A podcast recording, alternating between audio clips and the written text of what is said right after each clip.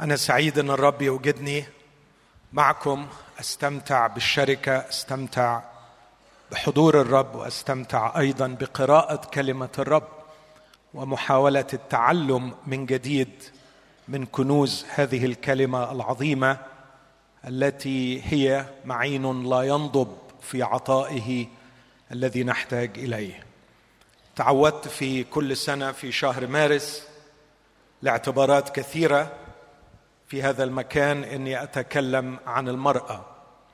وأصلي أن الرب يجعل حديثي في هذا اليوم في الاجتماعين الأول والثاني.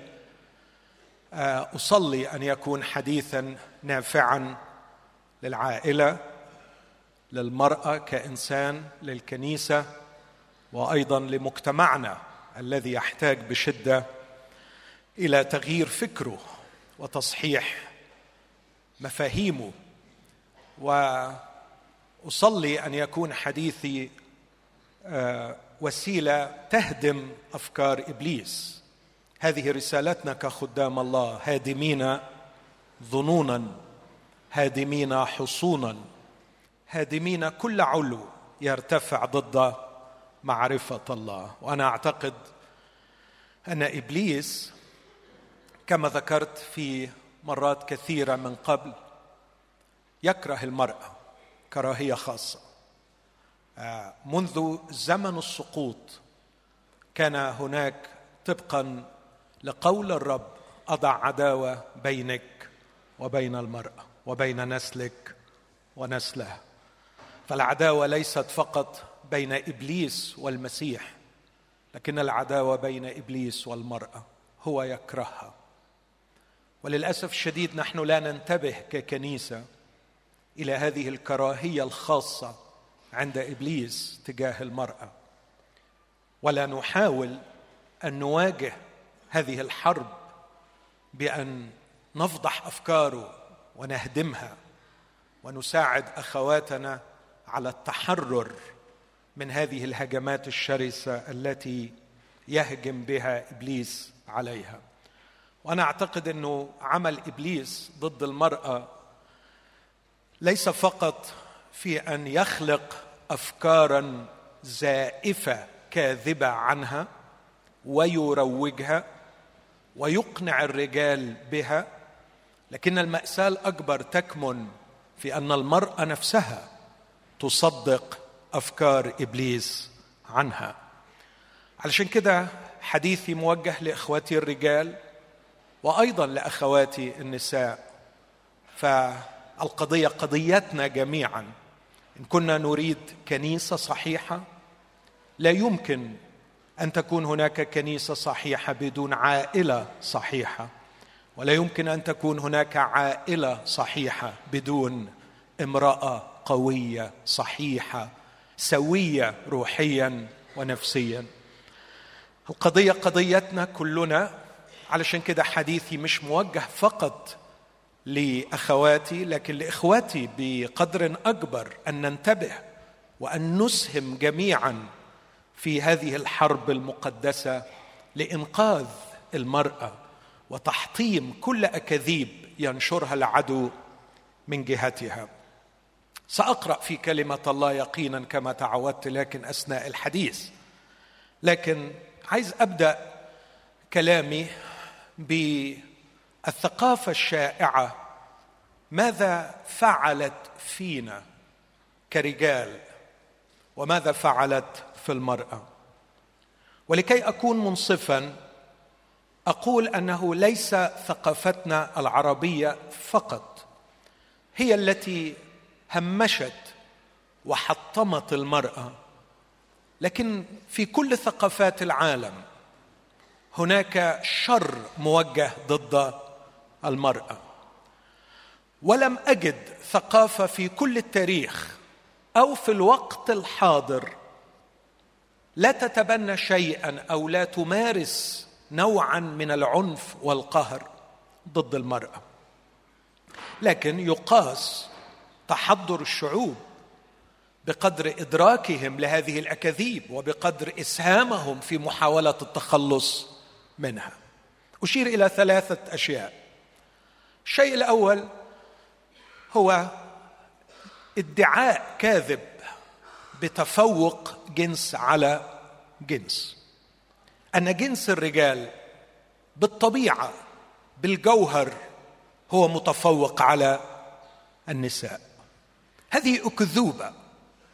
أكذوبة بشعة سواء ساقتها إلينا الأغاني أو الفولكلور أو كتب الأدب أو حتى تعاليم دينية. هذه اكذوبه تفوق جنس على جنس. سأحاول أن أرد على هذا الكلام لكن مبدئيا أول صفحة في الكتاب المقدس. تهدم هذه الخدعة هذه الأكذوبة. أين تكمن قيمة المرأة؟ ليس في جسدها ولا في أنوثتها. تكمن قيمتها أنها مخلوقة على صورة الله. والنص الإلهي في غاية الروعة نعمل الإنسان على صورتنا كشبهنا. فعمل الله الإنسان على صورته ذكرا وأنثى خلقهما على صورة الله. ما قيمتي كرجل؟ أين أجد هويتي كرجل؟ ليس في مساحة تكوين العضل التي تجعلني متميزا عن المرأة بكمية عضلات أكثر. لكن قيمتي كرجل تكمن في أني مخلوق على صورة الله. وأين تكمن قيمة أختي كامرأة؟ مخلوقه على صورة الله. نحن لا نتجاهل اطلاقا الفوارق الكثيرة الاختلافات الكثيرة. نحن نقر بعدم التشابه وعدم التشابه حقيقة قائمة وهي إبداع إلهي محض. إنها روعة الخالق في أن يخلق المرأة بتكوين معين وإمكانيات معينة تجعلها تختلف عن الرجل لأنه يريد أن يوزع الأدوار في هذه الحياة فكل يقوم بدوره والدور يستلزم إمكانيات واختلافات. فنحن غير متشابهين. لكننا متساويين تماما في الجوهر وفي القيمة أمام الله.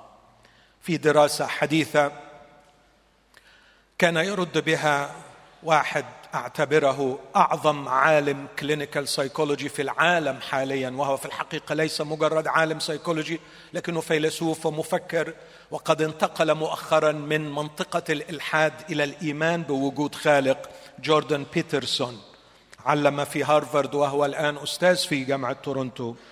يقول إن الدعوة النسوية بإزالة الاختلافات والادعاء باننا متشابهين هي دعوة كاذبة. فنحن مختلفين. نحن مختلفين فعلا لكننا متساويين. وأرجو أن لا نخلط بين الاختلاف والمساواة. خلقنا الله مختلفين وسنظل مختلفين لكي يعرف كل منا دوره ويكمل دوره لكننا في القيمة أمام الله. نحن متساوين بذات القدر. لا يزيد الرجل في قيمته ذرة واحدة عن المرأة. في دراسة عملت في السويد من بين عشرين مهندس معماري توجد امرأة ومن بين عشرين ممرضة متفوقة يوجد رجل. هذا لا يجعل امتياز للرجال على النساء ولا امتياز للنساء عن الرجال لكنها الخلق الإلهي في إبداعه. يجعلنا مختلفين بإمكانيات مختلفة لكي يكمل كل منا دورة. فنكمل أحدنا الآخر لخير العام للبشرية وللنفوس التي حولنا. اذا المأساة الأولى هي ادعاء أن هناك تفوق لقيمة جنس على جنس أو الرد عليه بغباء أننا متشابهين في كل شيء ومحاولة إزالة الاختلافات الجنسية. المأساة الأخرى ليست التمييز. التمييز ضد المرأة لكن أقول بخجل وبأسف التشييء للمرأة. تشييء المرأة اختزالها لمجرد جسد. فالمرأة جسد. إنها حماقة إنها غباء ما بعد غباء. ألا يرى الرجل الكائن الساكن في هذا الجسد. إن قيمتي أمام الله وأمام نفسي لا تكمن قط في جسدي. جسدي مكرم من الله وعلي أن أعتني به. لكن يا للعار إذا كنت أستمد قيمتي كإنسان من جسدي. اختزال المرأة إلى مجرد جسد بحيث إنك لا تجد رجلا يجلس في حضرة امرأة يشعر أنه في حضرة جوهر إنساني مخلوق على صورة الله يسكن في هذا الجسد. لكن كل ما يسيطر عليه أنه يجلس في حضرة أنثى. وبالتالي لا يرى نفسه إلا ذكرا. واختزال نفسك إلى ذكر واختزال المرأة إلى أنثى. أعتقد أن المكان المناسب لهؤلاء المختزلين هو حديقة الحيوان وليس بين المتحضرين. عندما تنزل المرأة في أعيننا إلى جسد يشتهى وإلى رحم ينجب فهي شيء وليست جوهر مخلوق على صورة الله.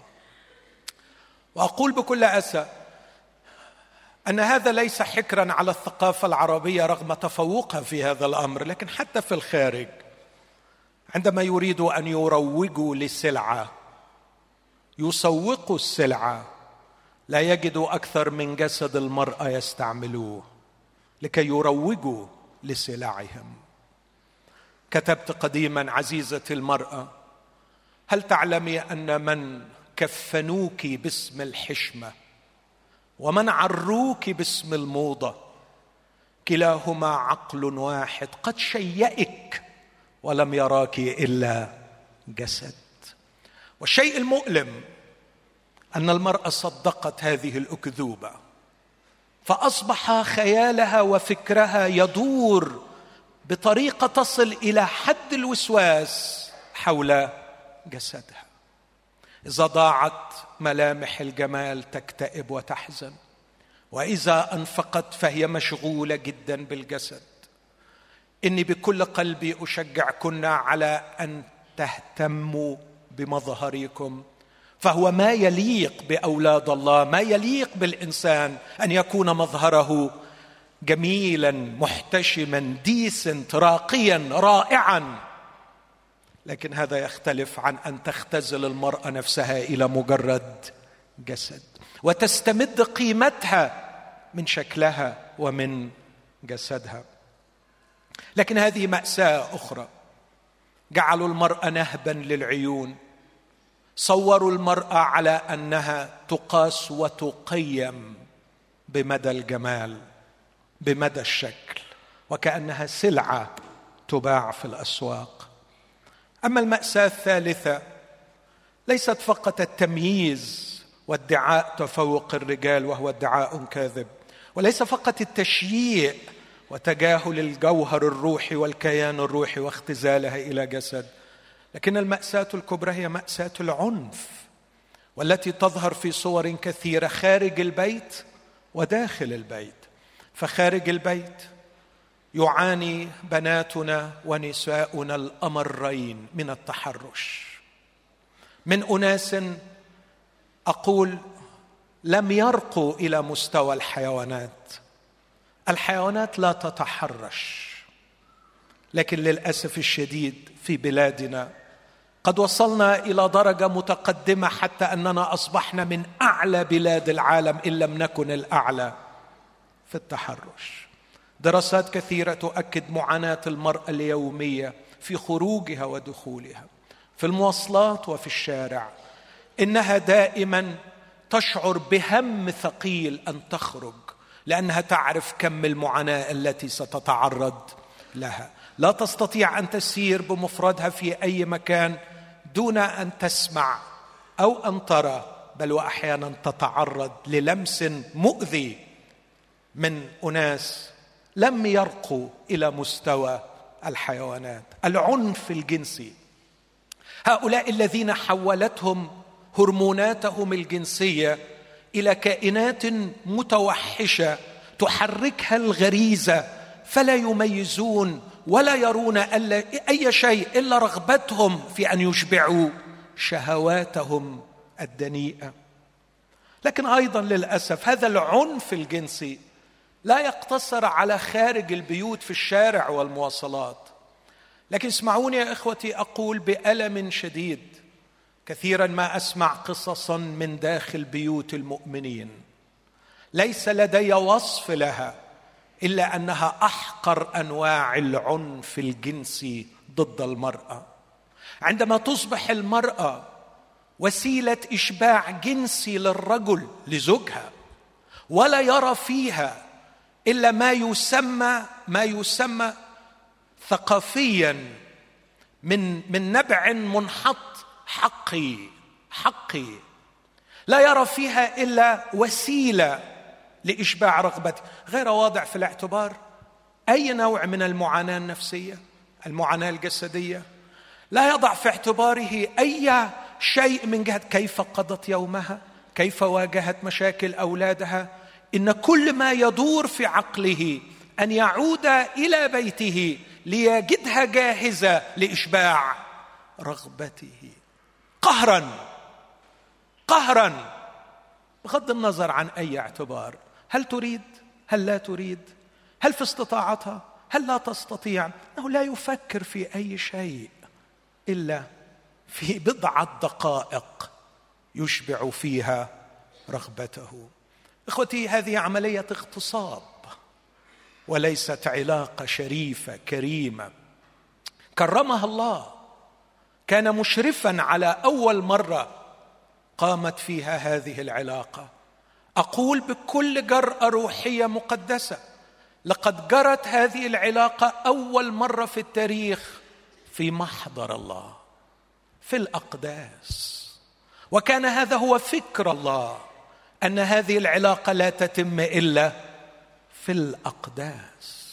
هل يقول الكتاب لنا ثقة بالدخول إلى الأقداس؟ ما هي الأقداس؟ حيث يوجد الله توجد الأقداس. وعندما أحضر الله حواء إلى آدم كان مشرفا على هذا الالتحام المقدس في حضرته تحت إدارته بفرحته ومباركته. لهذه العلاقة المقدسة حتى أنه يسوع المسيح عجبي من روعة كتاب الله. عندما نقرأ النص في تكوين اثنين قال آدم هذه تدعى امرأة لأنها من امرئ أخذت. هذه عظم من عظمي ولحم من لحمي سماها امرأة إيشا وهو إيش؟ لأنها رأى أنها أخذت منه. وبعد أن كتب هذه القصيدة الشعرية يعلق كاتب سفر التكوين موسى. موسى يقول لذلك لذلك ده تعليق موسى في تكوين أصحاح اثنين. لذلك يترك الرجل أباه وأمه ويلتصق بامرأته ويكونان جسدا واحدا كان يتكلم عن العلاقة الجنسية. يترك الرجل يلتصق يصير الاثنان. جسد واحد. الكتاب هنا يتكلم عن العلاقة الجنسية التي توحد الرجل بسميها التعبير عن الحب الموحد. يوحد نفسين مش مجرد جسدين. ليصير جسدا واحدا. الترجمة الأدق بشرا واحدا. بشرا واحدا يصبح انسانا واحدا. الرب يسوع في متى 19 عندما كان يناقش مشكلة الطلاق قال ألم تقرأوا اما قرأتم من البدء أن الذي خلقهما ذكرا وأنثى خلقهما؟ اسمع النص ثم يقول وقال وقال. يترك الرجل أباه وأمه ويلتصق. بامرأته. لاحظ روعة النص هنا أن الذي قال هذا الكلام في تكوين اثنين كتعليق على هذه العملية من الالتحام هو موسى. لكن يسوع وهو يعلق على هذا النص لم يقل موسى قال لكن يقول الله قال. هذه العلاقة تتم في حضرته. وإني أهيب بكل رجل مؤمن بكل من يسمي اسم المسيح أن يتجنب الإثم وأن تغتصب امرأتك. هذا إثم. أن لا تكون هذه العلاقة إلا في الأقداس. كما بدأها الله في الأقداس عليها أن تستمر في الأقداس. هذه الصور الثلاثة للعنف تمييز ادعاء كاذب بالتفوق. ثم خيبة كبيرة في النظر إليها كمجرد جسد تشييء ثم تحرش واغتصاب داخل البيوت تحت ادعاءات مختلفة. إلى ماذا يؤدي هذا الانهيار الأخلاقي والثقافي؟ يؤدي إلى تحطيم الأطفال يؤدي إلى خلق نفسيات مشوهة يؤدي إلى احتقار البنات لأنفسهن واحتقار الأولاد للبنات. يؤدي إلى تعطيل كامل للمكينة التي هي قادرة على إنتاج عائلة سوية. الرجل أعطاها الله هذا الامتياز أعطاني الرب هذا الشرف أن أشتغل لكيما أقدم لعائلتي. بالإنجليزية جميلة. To provide and to protect. لأدعم عائلتي. روحيا نفسيا ماديا. ولكي أحمي عائلتي بالحب والإحاطة. هذه مهمتي كرجل. أن أقدم أدعم وأحمي. أن أرى ما هو الخير لأسرتي وأفعله. وأقدم مصادر تجعل الأسرة تعيش. لكني أرى أن دور المرأة بدون مبالغة هي المكينة هي القاطرة التي تقود العائلة إلى بر الأمان. هي التي فعلا يقوم رجلها في النهاية ليطوبها وبناتها وأولادها يمدحونها. قائلين كثيرات عملن فضلا أما انت ففقت عليهن جميعا. هي التي تجعل زوجها ناجحا معروفا في الأبواب. هي التي تجعل بيتها لا يخشى عليه من البرد. إذا جاء الشتاء لأنها دبرت ورتبت كل ما يجعل الأسرة تواجه مصاعب الحياة. هي التي تفعل خيرا لرجلها بها يثق قلب زوجها لأنها تفعل له خيرا لا شرا كل أيام حياتها. هي المسؤولة تماما عن الإدارة في الداخل حتى أنها تتأمل حقلا فتأخذها. عيناها تريان الأرض البعيدة وتتأمل وتحلم وتخطط وتدبر. هي التي تعطي سننا لبيتها. هي التي تضع قواعد لمن يعملون في البيت من خدم أو أناس يساعدونها. عندما تتعطل هذه الماكينة بقهرها أو اختزالها أي شكل للبيوت نتوقعه؟ أي شكل للأطفال نتوقعه؟ وماذا عن معاناة الكنيسة في هذه الأيام؟ حيثما ذهبت في أي مكان أرى أمراض الكنيسة وأقول الصدق في المسيح ما من مرة رأيت الأمراض والضعفات إلا وأول شيء خطر على بالي. أين المرأة؟ أين المرأة بعنايتها؟ أين المرأة بنظرتها المتسعة؟ أين المرأة بقدرتها التدبيرية الفذة؟ أين المرأة باهتمامها بالتفاصيل؟ أين المرأة بأخلاق العناية؟ إن الكنيسة تحتاج بشدة إلى المرأة لكن كيف تستطيع المرأة أن تخدم؟ وقد همشناها وحطمناها واحتقرناها واختزلناها إلى مجرد جسد يشتهى ورحم ينجب وخادمها في البيت مسؤولة عن إعداد الطعام لزوجها. الكنيسة تعاني. العائلة تعاني. الأطفال يعانوا. لكن ناهيك عن مجتمع. لا أتحدث عن المجتمع. وأسأل نفسي وليه ما أتكلمش عن المجتمع؟ لأني لست مصلح اجتماعي. ولست داعية اجتماعي. لكني خادم ليسوع المسيح. لكن حتى كخادم ليسوع المسيح أقول إن إرسالية يسوع المسيح كانت أن يضع الحق في الأرض. مظبوط؟ مش ده اللي اتقال عنه في سفر إشعياء؟ يضع الحق في الأرض.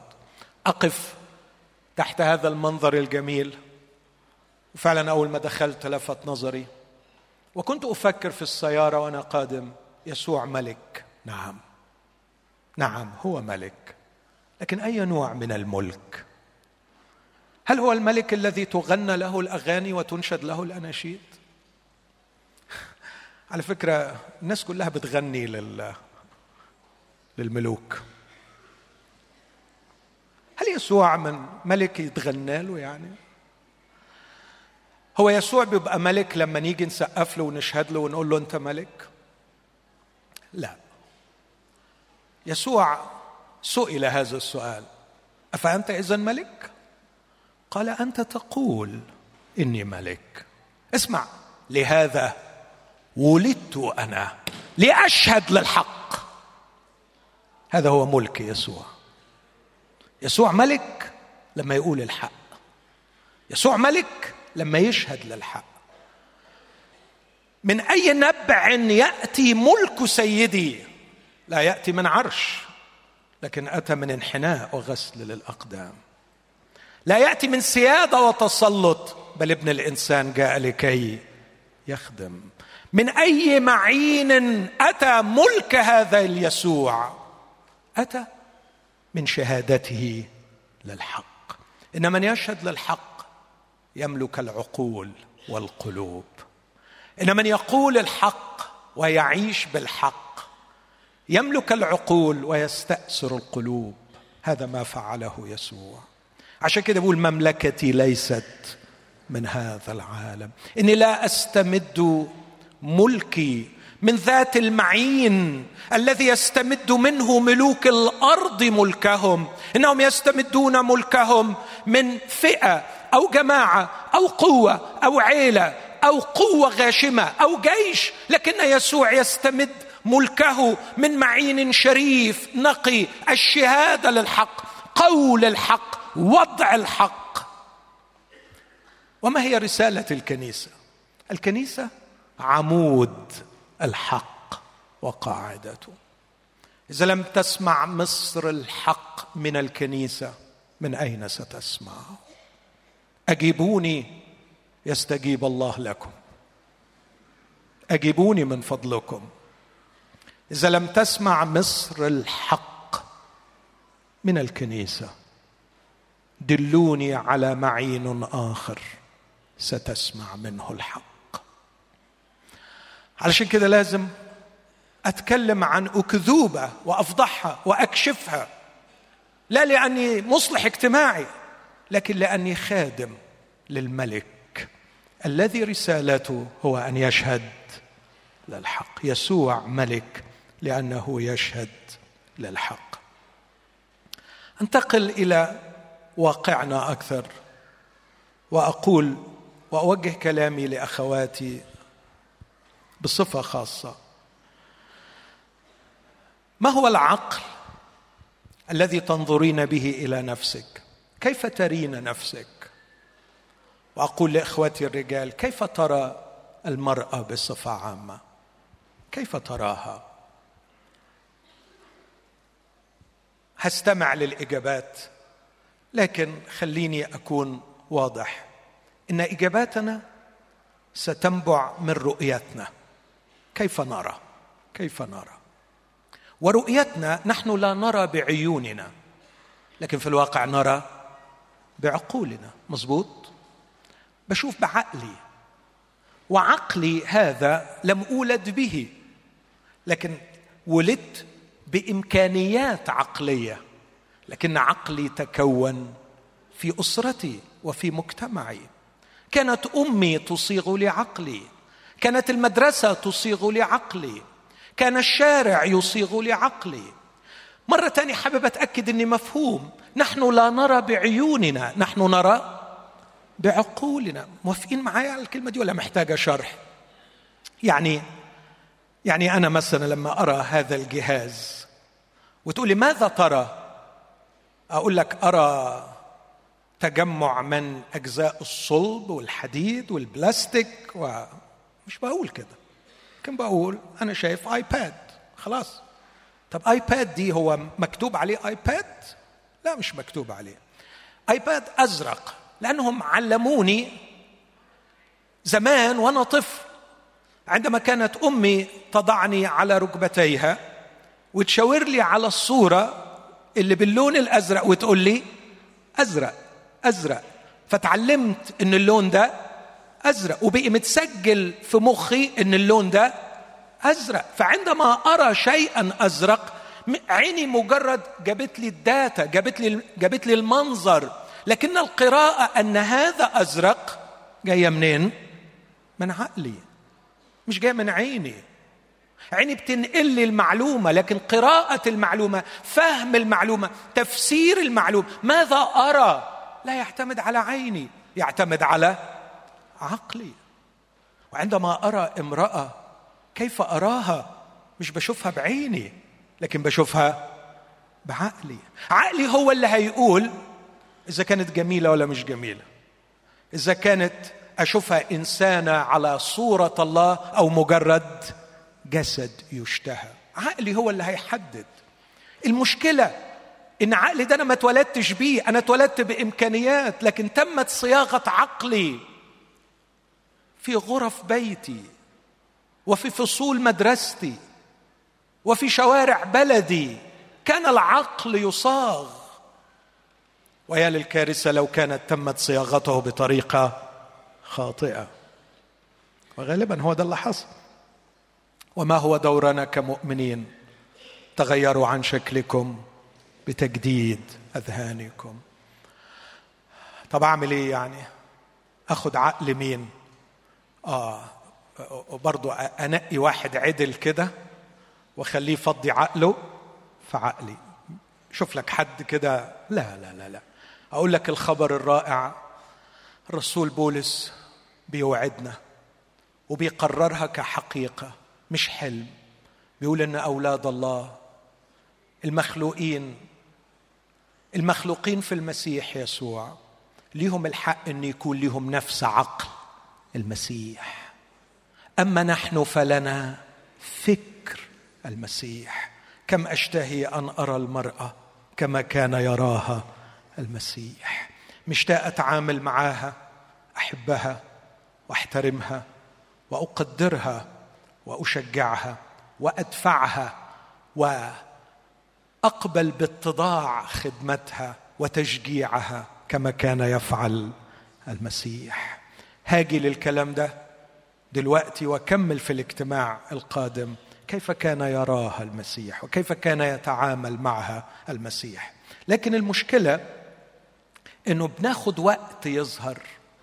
على ما نيجي للمسيح وعلى ما ناخد عقل المسيح. ومرات بيعيشوا الرجالة والستات في الكنيسة لغاية ما يموتوا من غير ما ياخدوا عقل المسيح. أنا بصراحة مش عارفة يعملوا إيه في السماء ما أعرفش حقيقي ما أعرفش بس أكيد هيبقوا ضاربين لخمه يعني ده مجرد يعني فكاهة بس. لكن يعني كيف أعيش بدون عقل المسيح؟ طب إذا ما تشكلش عقلي بعقل المسيح هيفضل على قديمه يفضل متشكل بالثقافة اللي إحنا تربينا فيها. والسؤال اللي أسأله يا ترى ما هي الثقافة؟ مش هجاوب على السؤال ده سؤال طويل لكن خلونا أقول اقتباس من مفكر اسكتلندي عظيم وكان اديبا وكان سياسيا عضوا في البرلمان اسمه أندرو فليتشر. هذا الرجل له إسهاماته في الحضارة والثقافة الغربية. أندرو فليتشر قال عباره ركز معايا فيها. بيقول دعني أكتب أغاني شعب ولا يعنيني بعد هذا من يكتب قوانينه. دعني أكتب أغاني شعب. ولا يعنيني بعد ذلك. من يكتب؟ قوانينه.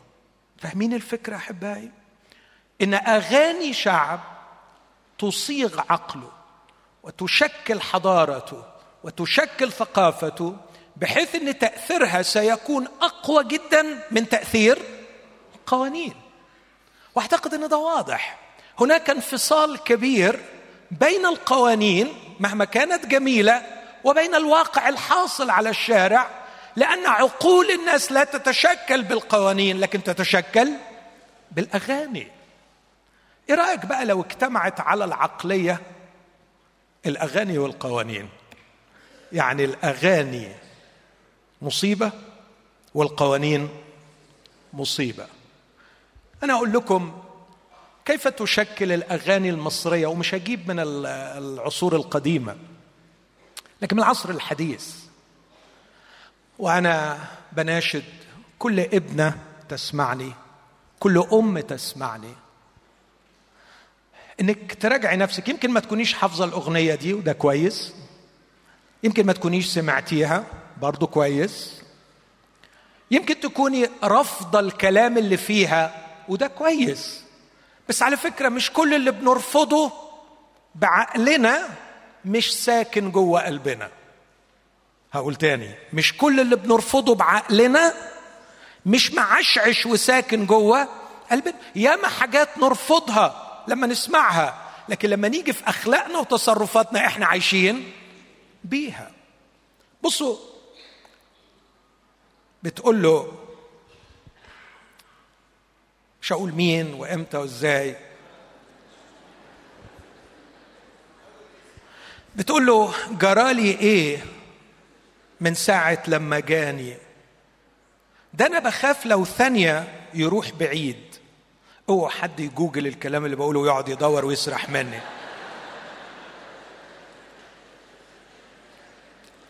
اسمعوا بيقول إيه؟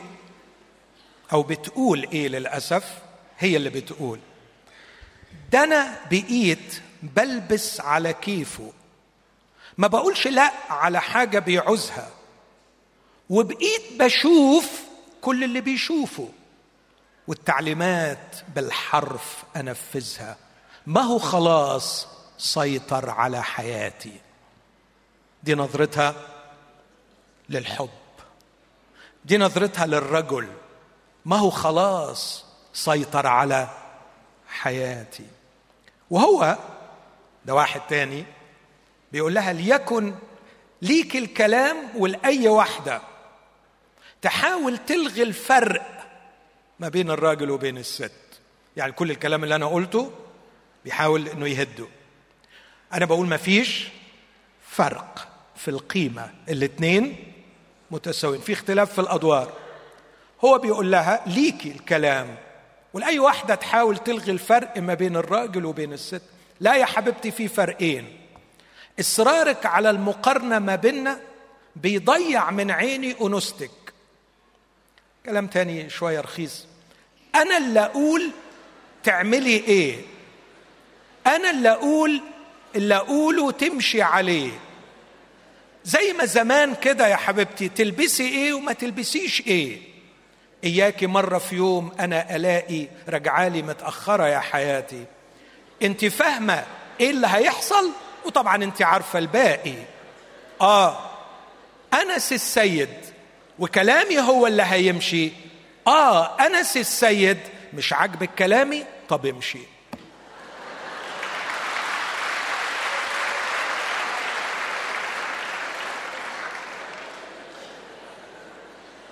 أنا متفاهم إنكم عايزين تشجعوني بس مش فاهم السقفه لايه بالظبط.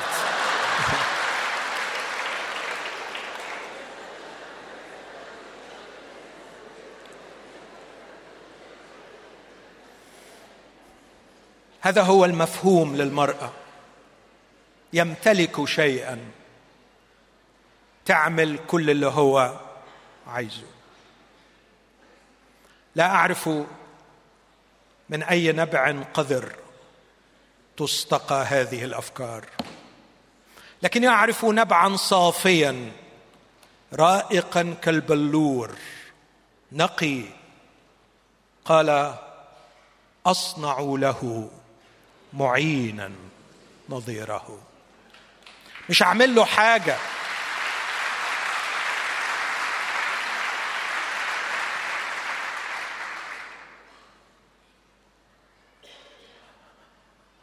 قلت من شوية إنه هو سماها إيشا. ربنا بالعبري سماها إيزا معينا. وهي من أكثر الكلمات التي كان الله يصف بها نفسه. طوبى لمن إله يعقوب؟ معين هي نفس الكلمة. أصنع له معينا. اعتقد معظمنا حافظ كلمات متى هنري العظيمة الخالدة في تعليقه الجميل في مجلده الضخم. على هذه الأعداد عندما قال أخذها ليس من التراب لكن من ضلعة من جنبه لكي تكون تحت ذراعه يحميها قرب قلبه. لم يأخذها من قدمه لكي يدوسها لم يأخذها من رأسه لتتعالى عليه لكن أخذها من ضلعه لكي تكون بجواره تسنده وتعينه وهو يحبها ويحترمها. النبع الصافي الذي أستقي منه يعلمني كرجل على فم بطرس الرسول يقول معطينا إياهن كرامة. وما هو الأساس؟ ما هو المنطق؟ أعطيها كرامة لأنها بتخدم العيال؟ لا. أعطيها كرامة لأنها جميلة؟ لا. أعطيها كرامة لأنها شايلاك وشايلة البيت؟ ياما بيزهقني الكلام اللي هيتسمع يوم 21 و و والجنة تحت أقدام. ليه يا حبيبي؟ ليه تحت عشان ربتنا وحملتنا وشالتنا و... لا ليها كرامة. مش علشان أنثى تلد وترضع وتخدم. معطينا إياهن كرامة كالوارثات معكم لنعمة الحياة. وارثة لنعمة الحياة. لها كرامة من قيمة يسوع الذي فيها والذي تجري حياته فيها.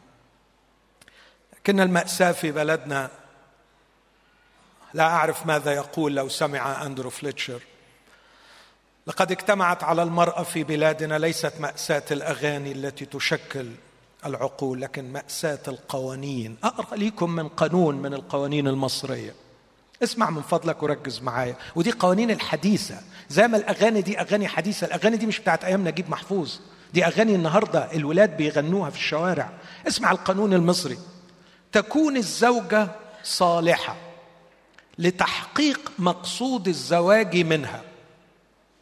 ماذا يعني هذا؟ بيشرح الحقيقة. أي أن تكون صالحة للقيام بواجبات الزوجية. أما لو كانت الزوجة لا تشتهي زوجها لكنها بقيت في بيت زوجها لكي ينتفع بها في الخدمة والاستئناس. ينتفع بها. ده القانون. في الخدمة والاستئناس. يعني تخدمه وتسليه.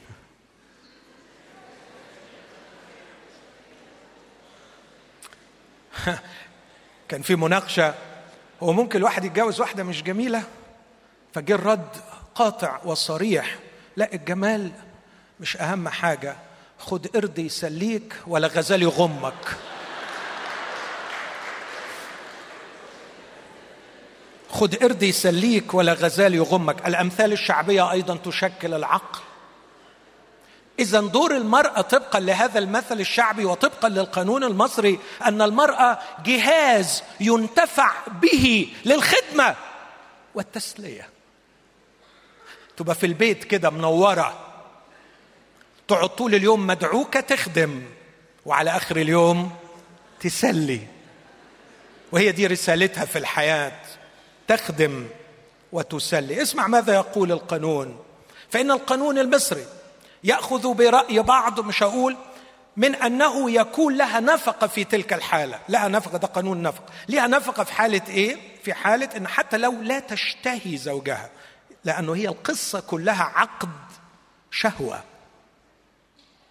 حتى لو ما بتشتهوش بس بتقعد في بيته عشان ينتفع بها في الخدمة والاستئناس لها نفقة في هذه الحالة. اسمع لأنه قد حصل منها نوع من المنفعة. أما لو كانت الزوجة مريضة مرضا يجعلها غير صالحة. Expired يعني. غير صالحة لتحقيق مقصود الزواج منها اللي هو الخدمة والاستئناس فإن القانون المصري ينص على أنها تستحق النفقة. الحقيقة شكرا جزيلا.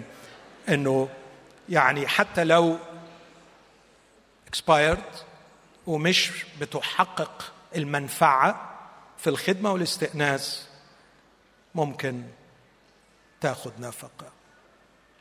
لكن لا يجب النفقة للزوجة إذا ارتدت أو امتنعت مختارة عن تسليم نفسها.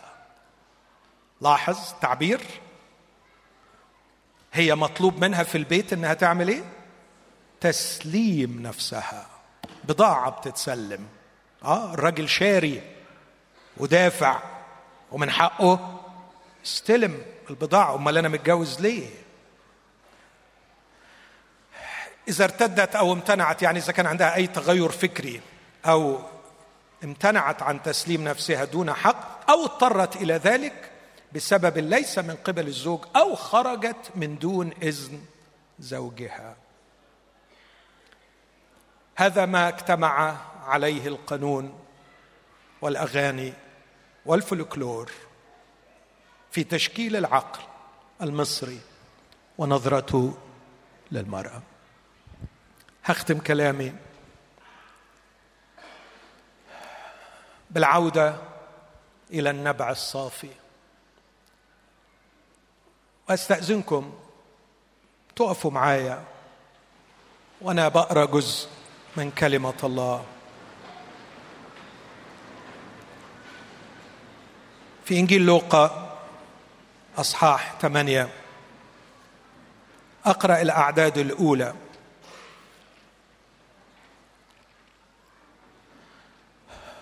يقول الكتاب وعلى إثر ذلك. بعد قصة المرأة الخاطئة التي غفر خطاياها. بعد قصة تلك المرأة التي نابت عنا في التعبير عن الحب لمخلصنا. بعد قصة أشهر امرأة غفرت لها خطاياها الكثيرة.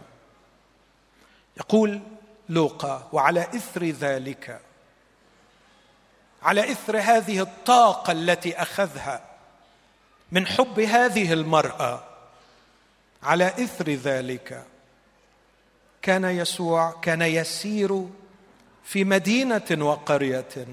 ما أجملك يا لوقا الطبيب وأنت تربط بين الاثنين. في بيت سمعان أخذ سيدي شحنة حب غير عادية. على إثرها خرج يسير في مدينة وقرية. يكرز ويبشر بملكوت الله. ومعه الاثنى عشر. وبعض النساء. كنا قد شفينا من أرواح شريرة وأمراض. مريم التي تدعى المجدلية التي خرج منها سبعة شياطين. ويونى امرأة خوذي وكيل هيرودس وسوسنة وأخر كثيرات. كنا يخدمنه من أموالهن. آمين. هذه هي كلمة الرب. تفضلوا. أنا هختم بتعليق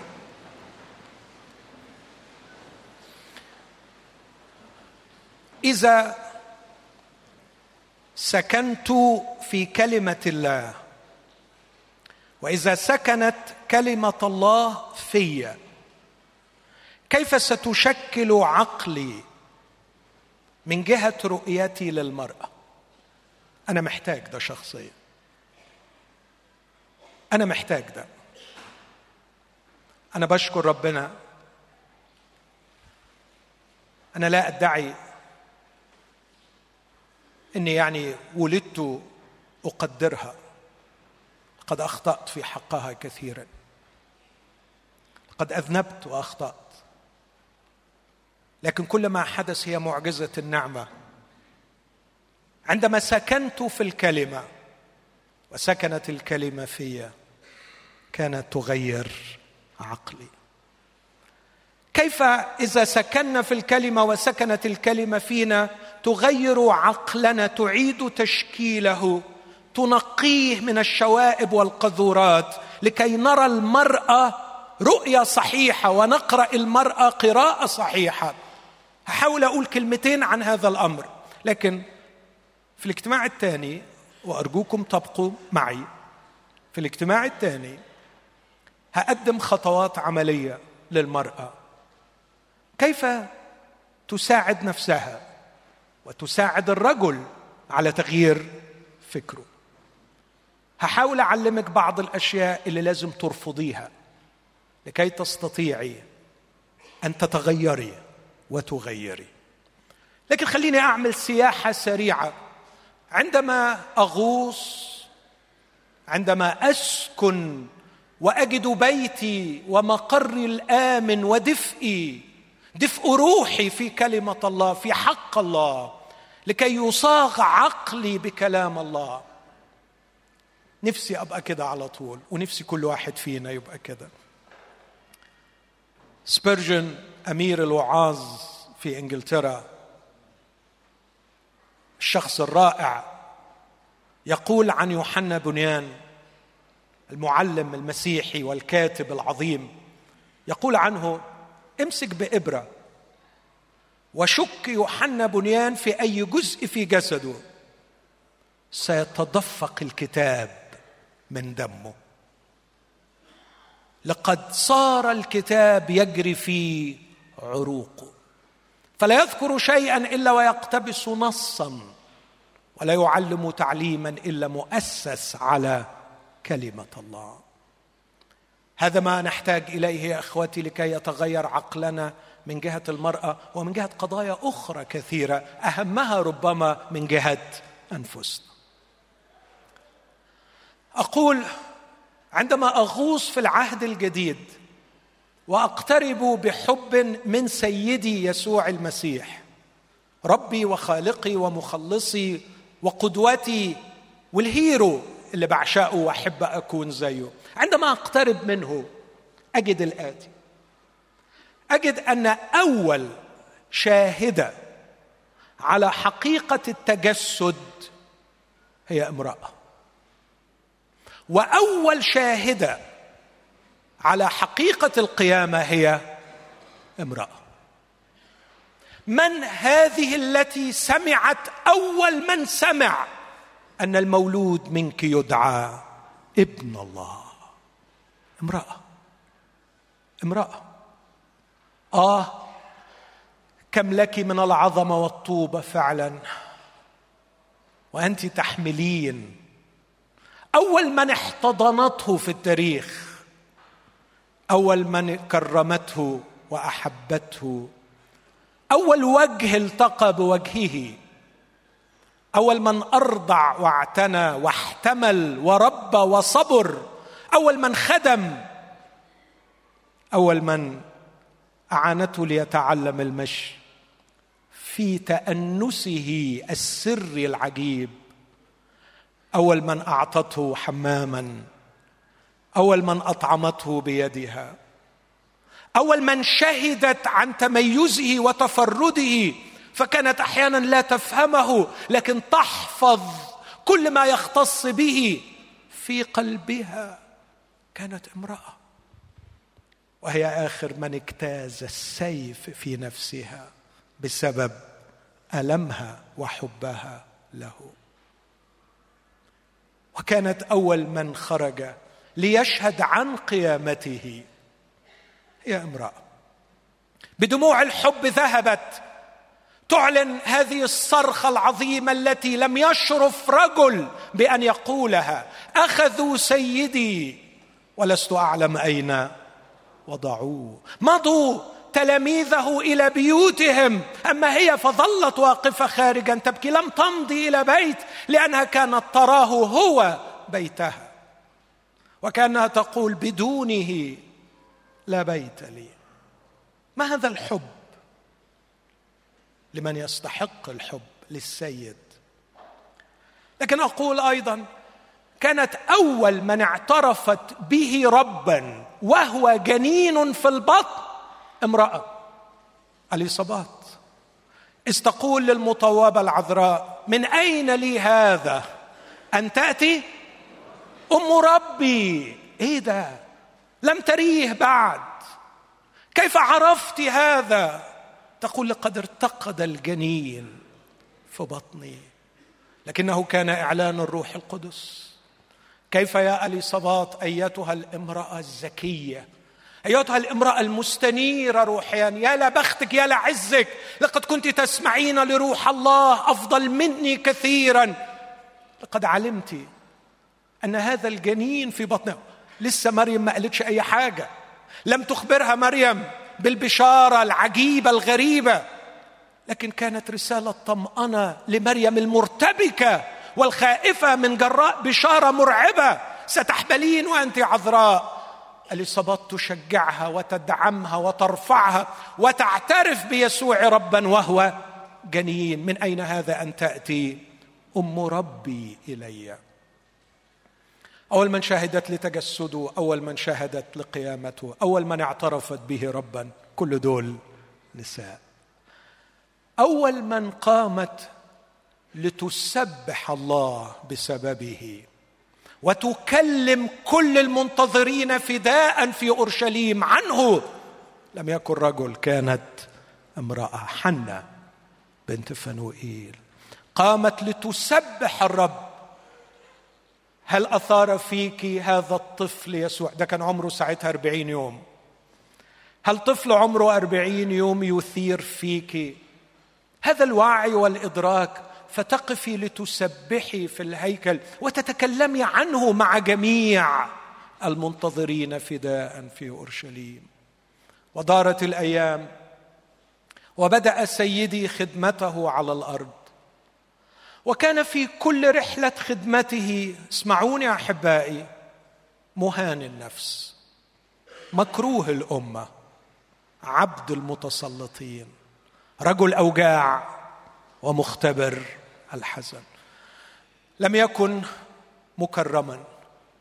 بعد خروجه للخدمة مباشرة ذهبوا إخوته يطلبوا أن يمسكوه لأنهم قالوا أنه مختل.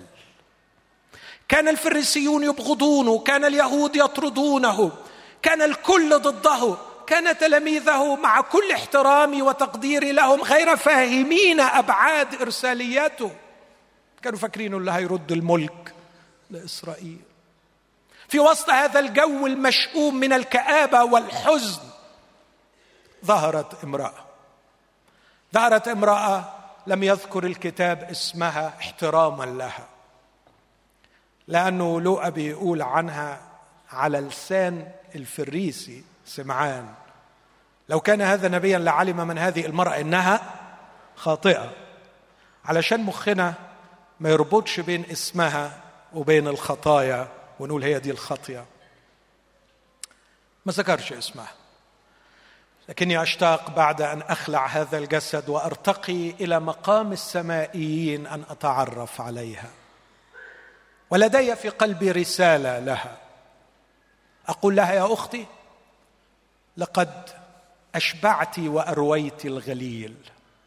لقد عبرت عن ما في قلوبنا جميعا. فأنت لست وحدك الخاطئة. كلنا خطاة آثمين. كلنا أذنبنا. كلنا فعلنا الشر. إن شعورك بالذنب أدركه جيدا. لقد أخطأت كما أخطأت أنت. لكن لم يكن عندي الفرصة أن أعبر له كما عبرت أنت. عندما انحنيت من ورائه باكيه بدموعك تغسلي أقدامه وبالطيب تدهنيه وتشبعيهم تقبيلا وتمسحي رجليه بشعر رأسك. لدي طلب يا أختي العزيزة هل من الممكن أن تعتبري نفسك ممثلة لنا جميعا؟ هل من الممكن أن تعتبري نفسك النائبة التي اخترناها لتمثلنا؟ نحن الخطاة الذين أحببنا كثيرا. هذا الغافر هذا المعلم إننا نحبه ونشتهيه كما أحببتيه أنت. لكنك فقتي علينا جميعا. لقد عبرت أعظم تعبير. أختي اسمحي لي أن أقول لك ما كنت قط أجرؤ أجرؤ أن أعبر عن حبي لغافر ذنبي كما عبرت أنت. ان نياشين الدنيا كلها لا تكفيك. كيف تجرأت كيف قهرت الحواجز الاجتماعية؟ كيف تغلبت على نظرات الشر والحقد والبغض لك؟ كيف استطعت أن تفعلي كيف حللت شعرك أمام اليهود؟ وكيف بكيت كل هذا البكاء حتى أن دموعك تغسل رجليه؟ وكيف قبلت كل هذه القبلات حتى أنه كان يستشعرها في كل أجزاء جسده؟ كيف فعلت هذا في محضر الرجال وفي بيت رجل فريسي وفي بيئة يهودية تبغضك وتلعنك وتحتقرك؟ أنت باطلة في نظري.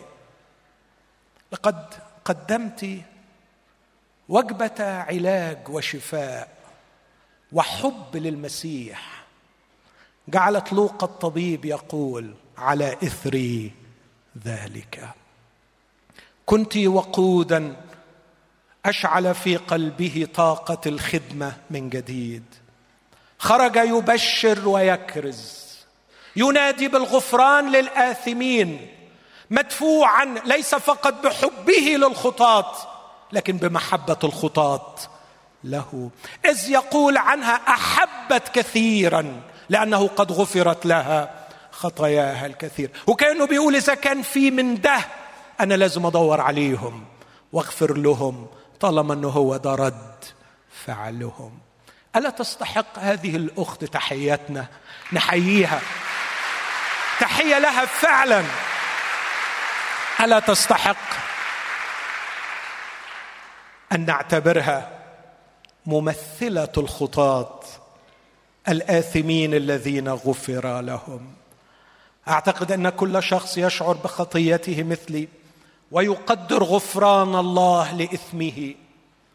ينبغي أن ينظر إليها بكل نظرات التقدير والإحترام. أنت ممثلتنا أنت نائبتنا أنت المعبرة عن ما فينا. كانت المرأة التي أو كان الكائن الذي أمده بطاقة رائعة من الحب للخدمة والتجوال امرأة. والوحيده الوحيدة التي يذكر عنها الكتاب أنها أنفقت عليه من مالها كانت المرأة. لم يذكر الكتاب قط أن رجلا انفق عليه لكنها كانت مقتنعة برسالته. وعلى فكرة ده ما كانش بس واحدة. مريم المجدلية سوسنة يونا امرأة خوذي وكيل هيرودس من أعلى طبقات المجتمع ومن أبسطها وأخر كثيرات. كنا ينفقن عليه من يخدمنه من أموالهن. لكن أيضا كانت الوحيدة التي فهمته. في وقت استعصى تعليمه على الكثيرين. ما كانش في كتير حتى من تلاميذه قادرين يفهموا. أشطرهم الألفة بتاعهم الألفة بتاعهم لما قال له هموت قال له حشاك أن يكون لك هذا. واستحق التوبيخ اذهب عني يا شيطان أنت معثرة لي. لكن مريم امرأة. ما أحلاك يا مريم؟ كما أشتهي أن أكون تلميذا مثلك. كما أشتهي فعلا أن يكون لدي صبرك واستمتاعك بالجلوس عند قدميه ساعات ساعات تجلس عند قدمي يسوع. مريم إني أحسدك. أحسدك بصدق. ذكر الكتاب المقدس عنك ثلاث وقائع. كل اللي ذكروا عنك ثلاث وقائع. وفي الثلاث وقائع يا مريم أراك عند قدمي في يوم الصحو في يوم عادي جلست لتسمع تعليمه وتفهم. وفي يوم الغيم والضباب جلست عند قدميه تبكي شاكية. لو كنت ها هنا لم يمت أخي. وفي يوم الاحتفال يا مريم لم تبرحي مكانك وترتبك بأمور كثيرة جلست أيضا عند قدمي يسوع تدهنيهم بالطيب. ما هذا؟ ما هذه التلميذة؟ هل نضع الرجال في المقدمة؟ من جهة علاقتهم بيسوع؟ أقول نشكر رب هناك رجال عظماء على مر التاريخ بذلوا حياتهم لأجل المسيح. لا نغبنهم حقهم لكنه من الجنون والخيابه والفشل. أن نخبس نخس أن نخفس المرأة حقها وأن نهمل وضعها. قد كانت تجلس عند قدميه تسمع تعليمه فكلمها يسوع عن الموت. موته وقيامته فصدقت. ولذلك لم تذهب إلى القبر. ليس قلة حب. لكن يقين إيمان أنه سوف يقوم. عبر عن هذا أبونا مكاري في ترنيمته الجميلة لما يقول مريم وحدها قد فازت بالنشان وطيب المريمات فاته الأوان. ليه؟ ليه فازت بالنشان؟ لأن يسوع في الثلاث أناجيل يذكر هذا إنها قد حفظته ليوم تكفيني. أتخيل الحديث جرى كالآتي. مريم أنا قلت لبطرس امبارح إني هموت فعمل العملة بتاعته. أنت إيه رأيك؟ تقول له رأيي رأيك يا سيدي. أنت قول وأنا بوافق. أنت معلمي. هتموت؟ لا هموت. وهموت مصلوب يا مريم. أدي لنفسي الحق في التخيل؟ لا أتخيل قط أنها لم تبكي في ذلك اليوم. بكت. لكن يقينا كما فعل مع المجدلية عند القبر. يا امرأة لماذا تبكين مريم حبيبتي ما تبكيش. هقوم. هتقوم؟ أنا عارفة إن كلنا هنقوم في يوم القيامة. لا لا يا مريم. يوم القيامة ده بعيد. أنا هجيبه دلوقتي هنا. فأنا يا مريم أنا القيامة. أنا هقوم يا مريم. معقول هتقوم؟ آه. يعني مش هتدخل القبر وتطلع من الناحية الثانية ده إيمان الآباء. بين قوسين كده مغارة المكفيلة. أول قبر نقرأ عنه. كلمة المكفيلة معناها التي لها بابان. لأن هذه تجسد إيمان اليهود أن القبر له باب للدخول لكن هناك يوم القيامة سوف نخرج من باب آخر. ده الإيمان اللي كان عند اليهود. كانوا يؤمنوا بالقيامة في اليوم الأخير. لكن يسوع فاجأها بأنه هيطلع من نفس الباب. مش هيستنى اليوم القيامة. سأعود إليك يا مريم. معقول بعد ما تموت هترجع؟ لا قلت له بس أنا فرحانة قوي بس أنت كده هتعمل لي مشكلة. الطيب اللي أنا حافظاه علشان تكفينك. ما أنا صدقت إنك هتموت. لأن أنت قلت لي قبل كده إنك هتموت. أعمل فيه إيه؟ هتصرف يا مريم. قلت له بس عرفت. هتصرف. وراحت جابت الطيب. وكسرته عليه وهو حي. وهو يقول هو ده اللي كانت حافظاه ليوم تكفير لكن عرفت أنه لن يدع تقيه يرى فسادا. ولن يترك نفسه في الهاوية. سيقوم في اليوم الثالث. وطيب المريمات فاته فاته الأوان التي فهمته امرأة. وأقول بالمناسبة والتي أكرمته في ليل أحزانه المرعب كانت مريم. كان الأسبوع الأخير وكان يسوع عتيدا أن يقول نفسي حزينة حتى الموت. وفي وقت هذا الحزن الرهيب ظهرت مريم. تحتفل به وتمسحه بالطيب. الكتاب يقول فامتلأ البيت من رائحة الطيب. قال شاعر إنجليزي ما ترجمته لم تلدغه قط بقبلة خيانة ولم تجرحه قط بلسان ينكره. ما عملتش كده ابدا.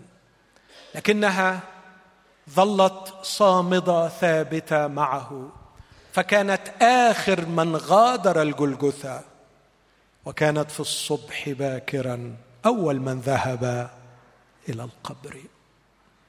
كانت المرأة عظيمة في محبتها له. لكن أقول أيضا عندما أصل إلى نهاية القصة ظلت واقفات عند الصليب. عندما هرب الأشداء عندما جبن الأحباء.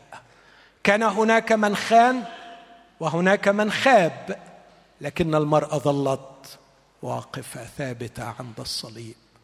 وفي الصبح باكرا جدا. كان أول من ذهب للقبر هي المرأة. وأول من شهد للقيامة هي المرأة. ويتساءلون كثيرا لماذا لم يختر المسيح رسولا امرأة أقول لقد اختار رسولا للرسل. كانت هي مريم المجدلية. لم تكن من الرسل لكن كانت الرسوله للرسل. اذهبي وقولي لإخوتي إني أصعد إلى أبي وأبيكم إلهي وإلهكم. وبعد أن صعد وأرسل الروح القدس كانت أول من أسس الكنيسة في بيتها امرأة سواء كانت الكنيسة في أورشليم مريم أم مرقس أو الكنيسة في أوروبا ليديا بياعه الارجوان أنا ذكرت لغاية دلوقتي 11 حاجة وكل مرة بقول أول أول أول أول هي المرأة. هذا ما يشكل عقلي كتلميذ ليسوع المسيح وأنا أنظر إلى المرأة. فعندما أجلس مع امرأة لا أجلس في حضرة أنثى لكني أجلس في حضرة انسانه مخلوقة على صورة الله. أجلس في حضرة انسانه أحبت سيدي أكثر مني وأكرمته أكثر مني وخدمته أكثر مني فكيف لا أراها راقية عالية؟ كيف أختزلها إلى مجرد جسد؟ أو أهمش دورها أو أبخسها حقها في التقدير والاحترام. هذه ليست عصرنه أو حداثة لكنها تلمذة ليسوع المسيح. أرجو أن نقف جميعا لكيما نسبح الرب ونصلي.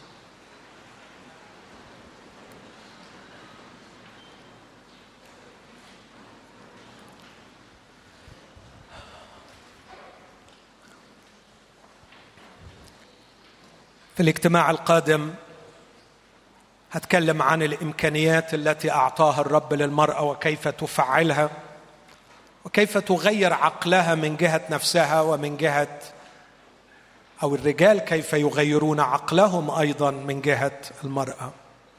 لكن وإحنا بنختم هذا الاجتماع بطلب من كل امرأة إنها تاخذ دقيقة بينها وبين الرب. تقدم له الامتنان والشكر. تقول له مع ترنيمة قديمة لقد صرت الكل في الكل لي وبكل فرح وفخر أسجد الآن عند قدميك. هذه ترنيمة مترجمة. لن تعود لن تعود تتركني أهوي إلى أسفلي. بعد أن رفعتني. كما لم يرفعني أحد غيرك. لقد رفعتني. قولي للرب لقد رفعتني. ولن تدعني أهوي إلى أسفلي. اقبلي رؤية الرب لك. وهيا اجعلي حقه يشفيك من كل صغر للنفس. من كل إهانة لحقت بك. وهيا بنا يا إخوتي الرجال نرتقي. تعالوا بنا نرتقي. فنكون تلاميذ ليسوع المسيح. هاتي فوق رأسك. هبني الآن أعرف حق قدرك.